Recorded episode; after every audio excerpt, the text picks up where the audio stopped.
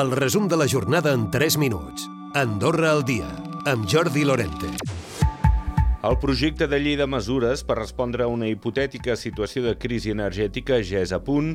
La llei s'estructura en tres apartats, el primer dels quals apunta les mesures d'estalvi energètic, algunes de les quals ja s'estan aplicant actualment. En el segon bloc estipula les mesures per anticipar-se a un augment del consum energètic durant l'hivern i la dependència dels mercats elèctrics d'Espanya i França.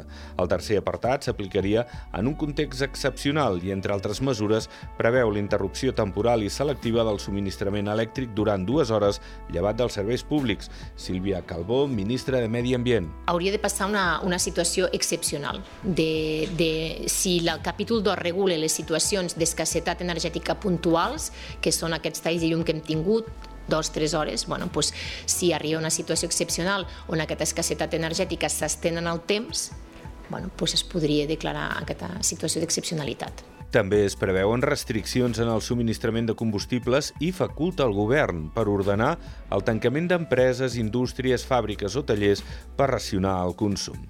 No es pot passar la pilota als comuns, així ho diu Rosa Gili sobre la problemàtica actual sobre els abocadors al país. Des de la visió de govern han de veure quines opcions hi ha, no? i n'hi han d'haver-hi d'altres, o no sé el que s'ha de fer, perquè jo penso que realment jo no sóc ministra d'ordenament de, del territori ni d'urbanisme, no?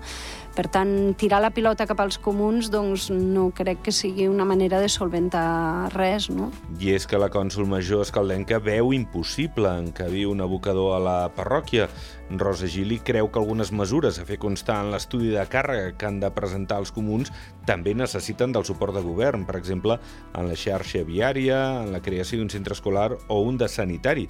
Creu que hi ha aspectes que no pot controlar només la corporació comunal. L'acusat d'assassinar el seu excap a Vila, a Encamp el 2020, ha declarat aquest divendres en el judici que ho va fer instigat per les veus que tenia al cap.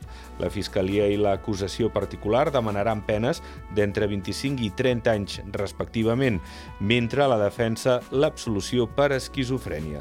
La vista oral es reprendrà el mes de novembre.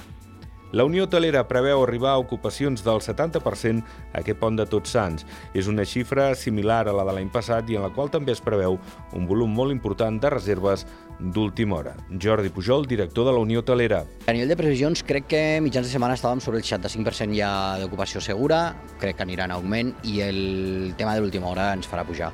No sé si serà per sobre el 70 o, o per alrededor del 70, però bueno, l'última hora hem vist que des de la pandèmia ens creix molt, no? llavors suposo que, que no hi haurà problema per estar en aquest 70. Punt i final al lliurament de cartes credencials al copríncep episcopal Joan Enric Vives. Un total de 12 ambaixadors ho han fet, els darrers de Xile, Bòsnia i Herzegovina i Mongòlia. Recupera el resum de la jornada cada dia a Andorra Difusió.